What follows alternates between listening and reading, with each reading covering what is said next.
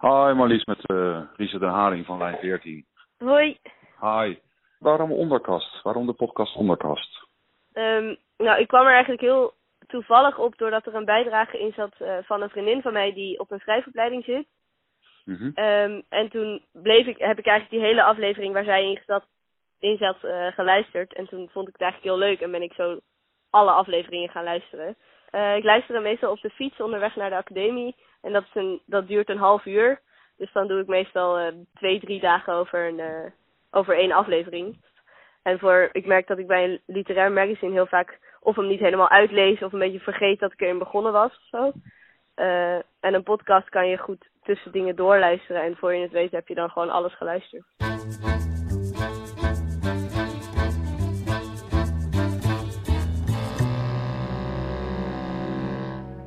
Je luistert naar Lijn 14, de podcast over podcast.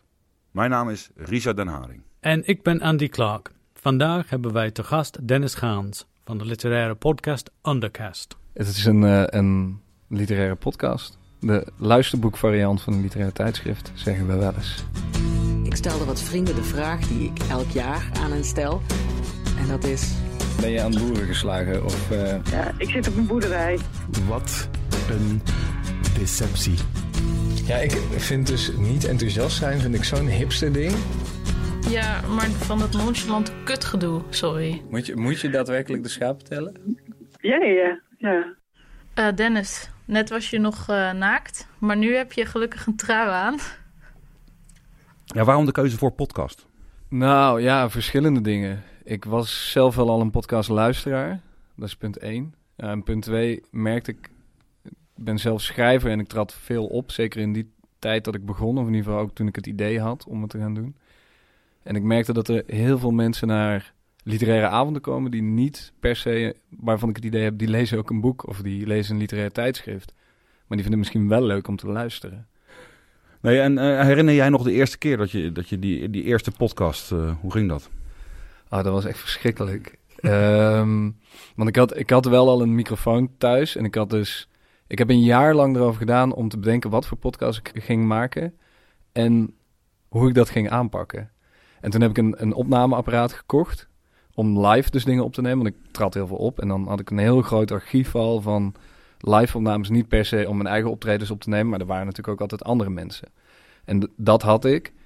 En toen moest ik de eerste aflevering gaan maken. En ik had ook al een, een, een goede condensatormicrofoon thuis, omdat ik veel met muzikanten samenwerk.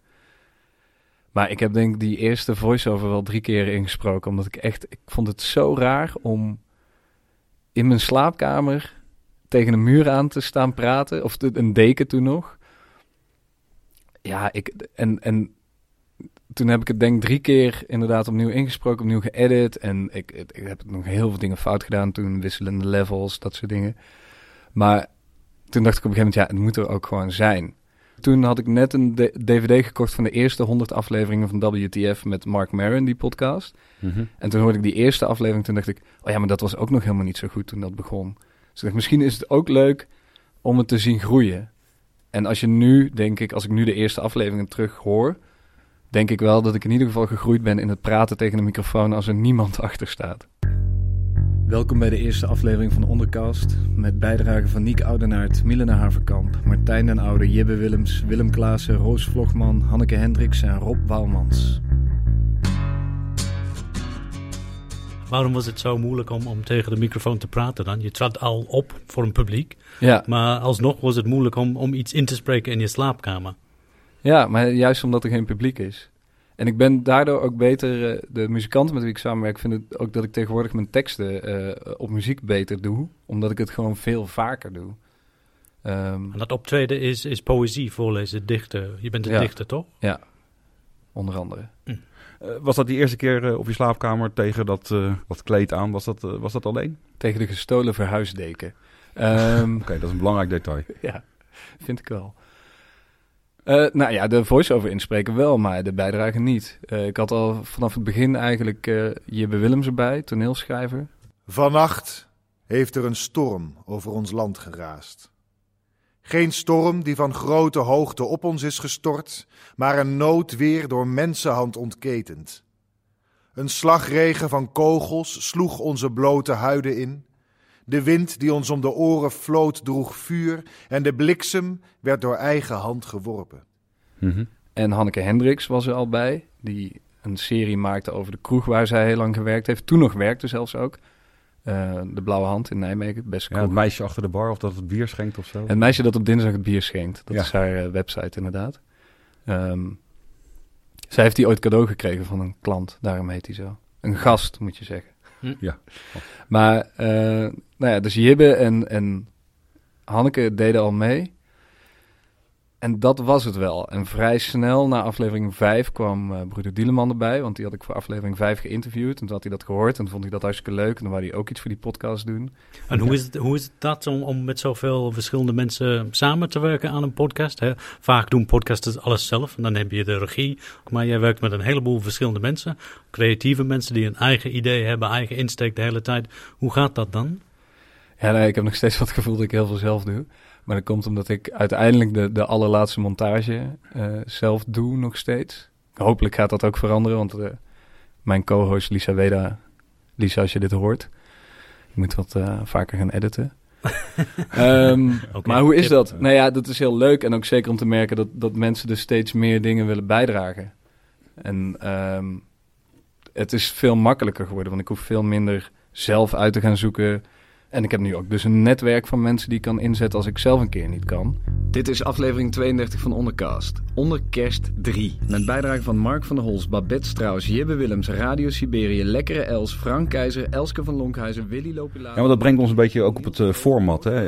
Eh, nou ja, soms duurt het een uur, maar over het algemeen eh, wat langer. Ja, dat is de Ja. korte- nou, laten we eerst vragen, wat was de langste tot nu toe? Oh, ik denk dat dat een kerstaflevering geweest is. Dat moet wel haast. De kerstafleveringen lopen altijd uit de klauwen. Eh, ook omdat wij die altijd opnemen met champagne aan de keukentafel. Ja, dat, eh, En dat hoor je ook, maar dat vind ik ook alweer leuk. Ehm, de langs, ja, geen idee. Tweeënhalf uur, denk ik. Twee uur en drie kwartier, zoiets. Ja, aflevering 32. Onder kerst with a vengeance. Onder kerst XXL super variété groot. Met heel veel vrouwen. Ja, want we zijn niet alleen Lisa. Nee. Wie hebben we bij ons? Hanneke Hendricks. Hallo. Hallo. Hallo. Heb Wat je er zin in? Ja, en is het nou onder kerst nummer drie? Ja. Ja. God, wat gaat het toch snel, hè? Ja. Ik word er meteen melancholisch van. Het is een soort kersthattrick. Een kerststrik. Kerststrik. Want wij dachten ook soms, is is het niet slim misschien om, om bijvoorbeeld één keer in de twee weken met een wat korters te komen. Hè? Als je zoveel content hebt. En misschien als je één keer in de twee weken, dat je dan misschien een groter publiek bouwt. Zou dat zo kunnen zijn?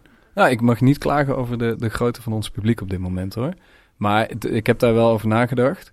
Alleen wij zaten natuurlijk met die rubrieken. Dan zou je die rubrieken moeten gaan verdelen. En zeker nu met Lisa eh, samen presenteer. Lisa woont in Utrecht. Dus dat zou betekenen dat we nog vaker eh, in Nijmegen moeten afspreken. En eh, nou ja, we verdienen er vooralsnog niks mee. Dus dat is nog niet echt een optie. En hoe groot is je publiek eh, nu? Je zei dat het moet daar niet over klagen, dus je bent tevreden. Dus wat, wat voor, Ja. hoeveel luisteraars hebben jullie? Per maand een stuk of 3000 beluisteringen. En nu, op dit moment, ik merk dat de afgelopen maanden heel erg aan het groeien is. En dat betekent per nieuwe aflevering ongeveer in de eerste maand zo rond de 1500, 2000 eh, beluisteringen. En, dat zijn, en, en dan die andere duizend bestaat dus uit oude afleveringen. Dus dat zou ook nog wel eens overlap kunnen zijn qua luisteraars. Dus ik weet, luisteraars weet ik niet, maar beluisteringen zo rond de 3000 nu. Zullen we het dan toch proberen? Ja, Nou, welkom bij Ondercast. tweede seizoen. Aflevering 25. Ja, ik ben Dennis Gaans. En ik ben Lisa Weda. En jij bent nieuw. Ja, Vind je spannend? ja wel een beetje. Wat vind je spannend dan? Ehm, nou, dit alleen al, dat ik met zo'n kop deed, is wel super profi. En dat, eh, en ja, gewoon dat, je, dat ik nu nog een beetje moet wennen van wat ga ik wel doen en wat ga ik niet doen. En oh, eerst interview en, eh, en Ik denk ook als je de eerste afleveringen hoort waarin eh, Lisa en ik het voor het eerst samen presenteren, dat je dat, dat, je dat wel hoort. En ehm, ik moest dus helemaal van, want toen ik het alleen deed, scripte ik het. Mhm. En eh, Ja, daar dan moest ik schrijf, aan schrijf je eigenlijk alles uit wat je gaat zeggen. Ja. Ja. Of in ieder geval in grote lijnen. Dus ik, ik, ja, er zaten af en toe wel variaties in op wat ik eh gescript had, maar En bij Lisa was het de eerste keer hadden we alleen een, een lijst met bijdragen. En nu zitten we een soort van in het midden. Dus we hebben wel, omdat we veel meer nadenken over de aflevering, er zit die volgorde er niet voor niets in. Dus dat is eigenlijk al een vorm van script. Omdat je weet wat je bruggetjes zijn, of in ieder geval waarom je bedacht hebt dat het ene na het andere komt. Maar we beginnen eigenlijk gewoon te praten. Mhm. Zoals dat gaat, je, je, je drukt dan al op opnemen voordat je zegt dat je aan het opnemen bent. Want, want eh, ja, die, die pure stukjes, eh, dat, dat is ook wel erg belangrijk, toch? Dat die erin blijven. Ja, dat is nu ook zo. Maar dat, dat, dat is wel moeten groeien, omdat het... ehm, je moet ook iets loslaten, omdat je toch weet dat je aan het opnemen bent. En als wij normaal met elkaar praten... Het is heel moeilijk om nu, zoals wij nu zitten, om normaal met elkaar te praten. Dat moet je, dat moet je jezelf echt aanleren. Om tegelijkertijd te bedenken, nou, ik moet in die microfoon blijven praten. Ik moet niet te veel bewegen. Ik moet niet op de tafel gaan slaan. Ik moet niet ehm, ermee bezig zijn. Ja, niet te ver af, niet te dichtbij, niet te hard, niet te zacht. eh. Ja, maar tegelijkertijd moet ik er ook niet mee bezig zijn dat ik aan het opnemen ben. En ook wel. Dus dat, dat is een beetje dubbel. Dennis merkt dat hij steeds minder vaak hoeft uit te leggen wat een podcast is. Met andere woorden, podcast wordt volgens hem steeds bekender. Ik ben herkend aan mijn stem laatst. Is, is dat zo? Ja. Yes! Nou, ik stond in, eh, in een kroeg in Amsterdam bij de Brak Grond. Eh, en het was niet eens tijdens, eh, tijdens het Oorzakenfestival dat daar ook is, maar gewoon tijdens een, wel tijdens een literair iets. En ik bestelde aan de bar een biertje en toen stond er iemand naast me die zei... Jij bent Dennis Gaans, toch? En toen vroeg ik, weet je het? Ja, ik herken je aan je Oh. stem. Nou, nou.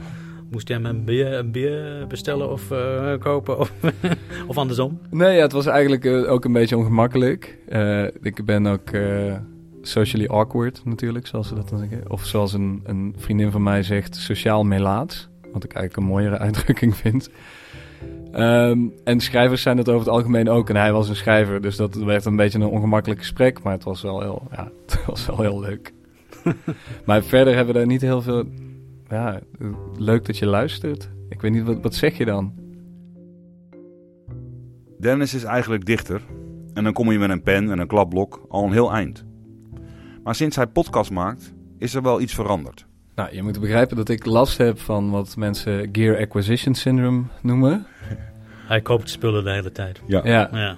Eh, ik ben nu begonnen met recorders verkopen, maar ik heb, ik heb op dit moment denk ik nog een stuk of vijf recorders. Dat is heel gek om te zeggen, een stuk of vijf. Nee, ik heb er vijf. En ehm, de vijf verschillende microfoons of zo. Ehm, en de setup wisselt. Dus eh, met Lisa ehm, zitten we aan een keukentafel met twee dynamische microfoons en twee Sennheisers, een MD46 en een MD42. Ja, kennen ze. In een kubus, een, een kubus van de IKEA, waar ik studiofoam in geduwd heb. Mhm. Daar nemen we de, de interviews of de voiceovers mee op. Ja, om het, om het, om het zeg maar de galm en, de, en het geluid warm te krijgen. Ja, nou, vooral om het, eh, de weerkaatsing tegen te gaan. Ja. Dus jullie zitten je- in de kubus. Dus Nee, nee, nee. De ik dacht microfoon zit in de kubus. Oh, ik dacht dat een grote kubus om jullie eh, twee heen. Want ik had een heel mooi beeld in mijn hoofd. Nee. dat moet je wel doen. Dat is wel mijn droombeeld. Ja, Jullie, precies. Maar praten jullie samen dan in één kubus of staan er voor elke microfoon één? Voor elke microfoon Achter. één kubus. En dan kun je zelf knutselen. Je koopt een, eh, een mat van het studiofoam. Mhm. En eh, je koopt twee van die vierkante blokken bij de IKEA, van die stoffen. En dan knip je het op maat en dan zet je je microfoon in. En op mijn werkkamer staat inmiddels een SM7B, want daar droomde ik heel erg van. De, de radiomicrofoon toch wel. Ja. Ehm, met, een, met een reflectiefilter. En eh, daar hangen ook wat dekens op. Dennis neemt altijd een heel klein opnameapparaatje mee. De Zoom H1. Hij kan zo in je binnenzak, handig dus voor opnames onderweg.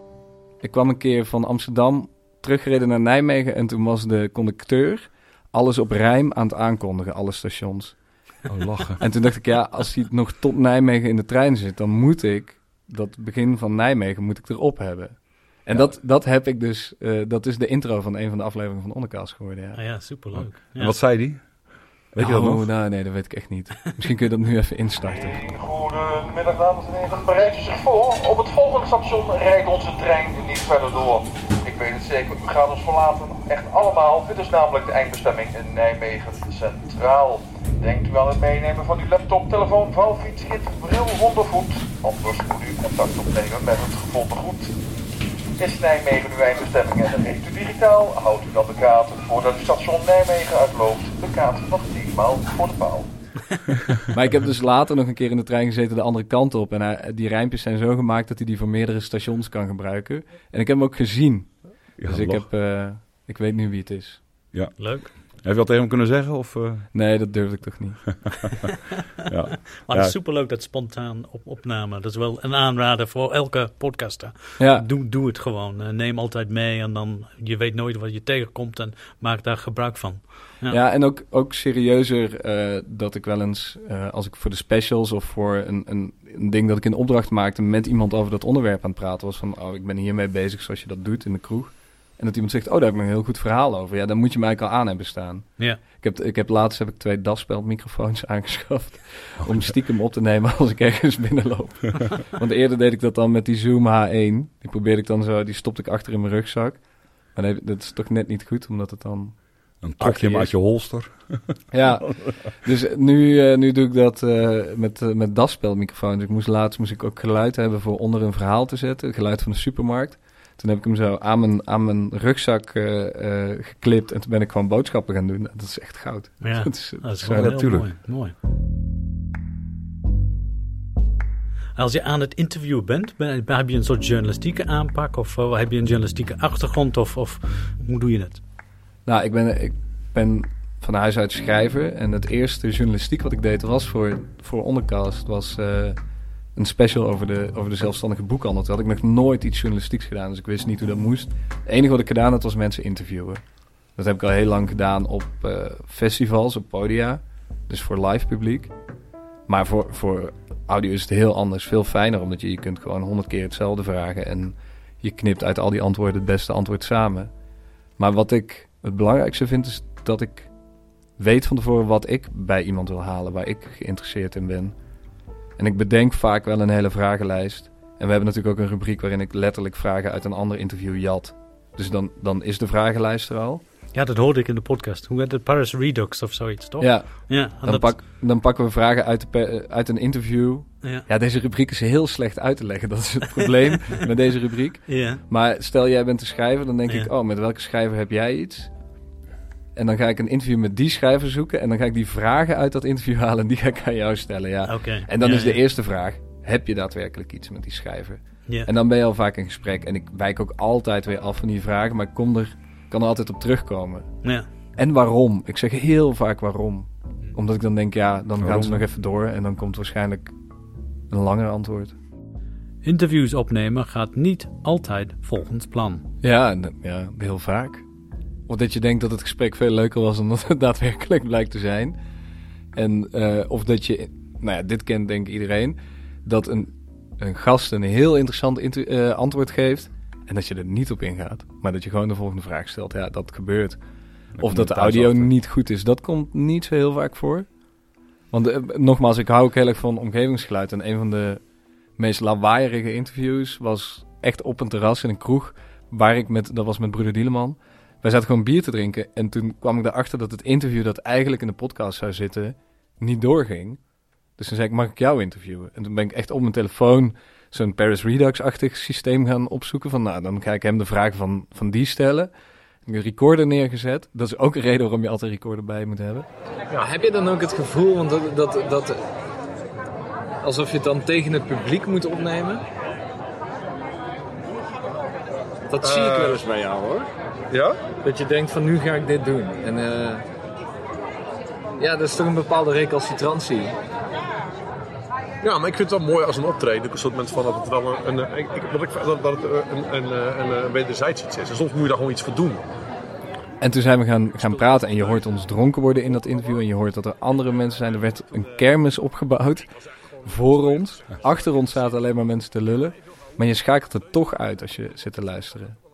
En, en het, het heeft sfeer. Het heeft, eh, ja, ik hou, wel, van- ik hou daar wel van.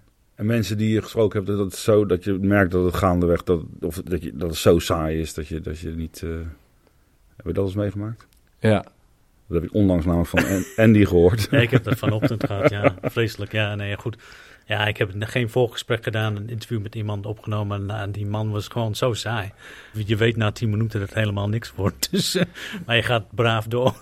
Ja. Stop je dan als je zoiets hebt? Of, eh, Nee, ja, je gaat uit een soort beleefdheid dan een soort minimumtijd vullen, zo van een half uur. En dan denken ze wel dat het professioneel is. Nou ja, bij de schrijversinterviews heb ik dan het voordeel dat we ook altijd een voordracht opnemen.